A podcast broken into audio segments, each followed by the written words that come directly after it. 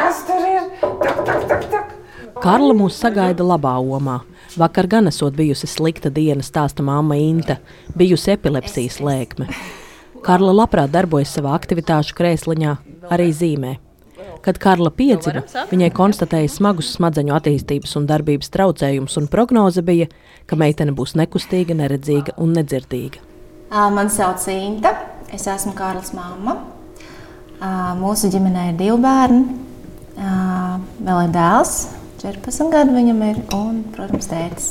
Īpašā bērna ienākšana ģimenē tas ir liels šoks un pārsteigums, jo tas notiek tad, kad tu neesi sagatavots. Un tā lielākā problēma ir, ka tu esi atstāts viens ar savu situāciju, un tu nezini, ko darīt. Karla spēja pārvietoties, ja viņai palīdz, bet ģimene jau laikus saprata, ka Karlai pieaugot, arvien apgrūtinošāk kļūs viņu izcilāt.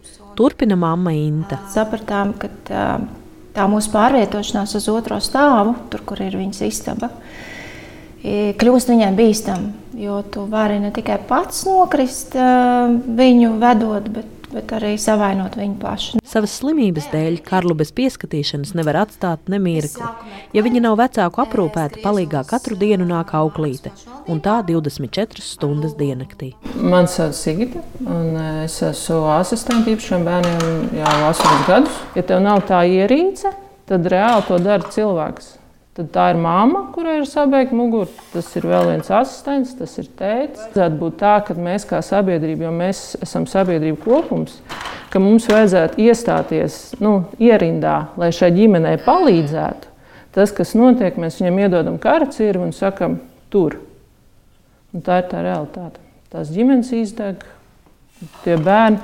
Jo, jo teiksim, Kārlis gadījumā, Kārlis brīnums, tas, tas, ko, tas, ko Kārlis var darīt ar to diagnozi, kas viņai ir. Tas ir brīnums, tas, cik daudz vecāku tur ir ielikuši. Ar lūgumu palīdzēt pielāgot vidi mājoklī, Karlas mamma meklēja atbalstu Mārupes pašvaldībā.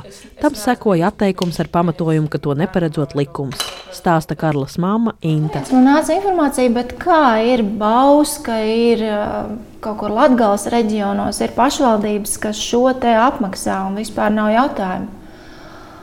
Es domāju, nu tā dīvaini. Mēs dzīvojam vienā no bagātākajām Latvijas pašvaldībām, un, nē, un tad es zvanīju vēlreiz. Pēc tam, kad tika piesaistīta labdarības organizācija Ziedot.CLV ar draugu un citu ziedotāju atbalstu, bija cerība. Reaģējot uz Ziedot.CLV aktivitātēm, arī Mārupes pašvaldība rada iespēju sekt pusi. Tā. Nē, mēs tikai parādīsim kā mēs braucam. Mēs vēl neiesim tur gulēt, neko nē, nē. Pacēlāji, kas Karlu katru vakaru nogādā savā guļamistabā, izmaksas ir gandrīz 11,000 eiro. Un paldies Dievam, ka viņš ir, jo Karla aug. Viņa pagaidām svēr tikai 30 kg, bet būs uh, diena, kad viņa svērs 50, 60 un nu, būs ļoti grūti savādāk. Ergoterapeits Lotārs Freivalds no Ogres rehabilitācijas nodaļas mājvizītēs redz, cik dažādos apstākļos dzīvo cilvēki ar kustību traucējumiem. Viņš uzsver, ka ne visiem primāri vajadzēs dārgu palīgu līdzekli. Tā individuālā pieeja aiziet uz tām mājām, apskatīties, kā tas izskatās. Ja? Vai vispār mājās ir siltais ūdens vai nav, un eh, vai ir sliekšņi vai nav sliekšņi. Eh, vai šis cilvēks, teiksim, ja tas ir eh, ratiņkrēsla lietotājs, viņš tiek vispār ārā no savas istabas, jo durvis ir pa šauru. Un es varu pielāgot viņam mājas eh, vannas istabu, ja, vai, vai kādu telpu ielikt pacēlā, ja viņš netiks ārā no istabas. Tas viss ir šausmīgi bezjēdzīgi. Labdarības organizācija Ziedot.CLV apstiprina, ka pašvaldību atbalsts mājokļa pielāgošanai katrā pašvaldībā ir atšķirīgs. Vienā kaut ko apmaksā no neparedzētajiem līdzekļiem, otrā neapmaksā neko. Karlas asistente Sigita stāsta. Īpašie bērni ir vienlīdzības zīme dārgie bērni. Tas ir pilnīgi vienalga, kurā vietā viņi ir. Nu, tas ir skumji, ka mums ir jācīnās par to, lai mums būtu kurpes. Nu, ja tam īpašam bērnam tas, tas jau nav izvēles jautājums. Ja tev ir tipisks bērns, nu, es gribu spēlēt hokeju, vai es gribu spēlēt futbolu vai basketbolu, šim bērnam tas nav jautājums par to.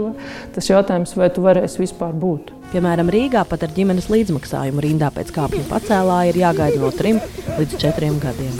Tīna Sidoroviča, Latvijas televīzija.